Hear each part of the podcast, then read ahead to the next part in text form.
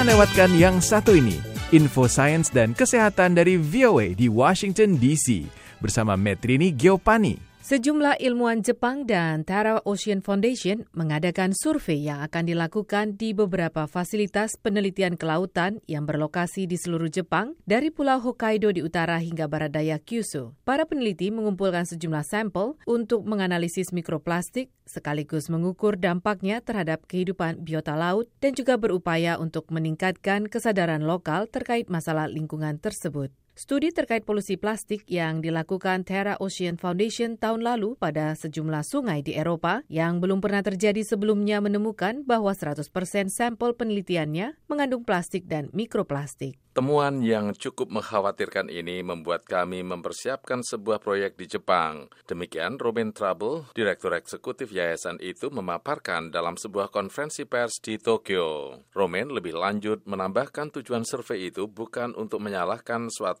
daerah tertentu. Kami berusaha mencari tahu apa sebenarnya polusi plastik tersebut dan dari mana asalnya, sehingga dana publik masyarakat digunakan secara tepat untuk menghentikan polusi plastik. Menjelaskan menjelaskan.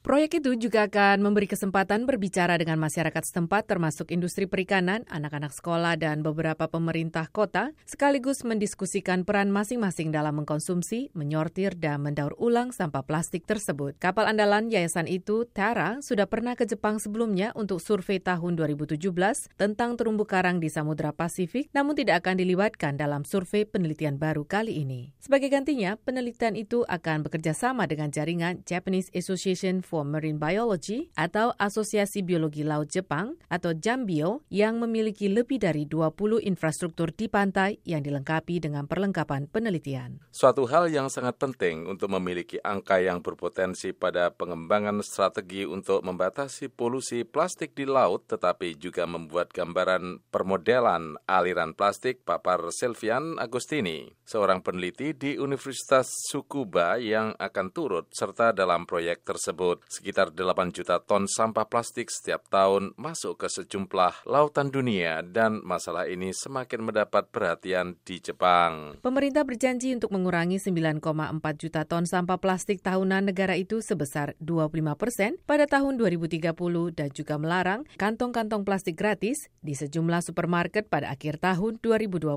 Setelah survei terhadap Jepang, yayasan itu mempertimbangkan perhatiannya beralih ke Tiongkok, papar Trouble, serta menghubungkannya dengan beberapa universitas lokal untuk melakukan sebuah survei serupa di sana. Lena Triono, Metrini Giovanni, Voice of America, Washington DC. Direct from Washington.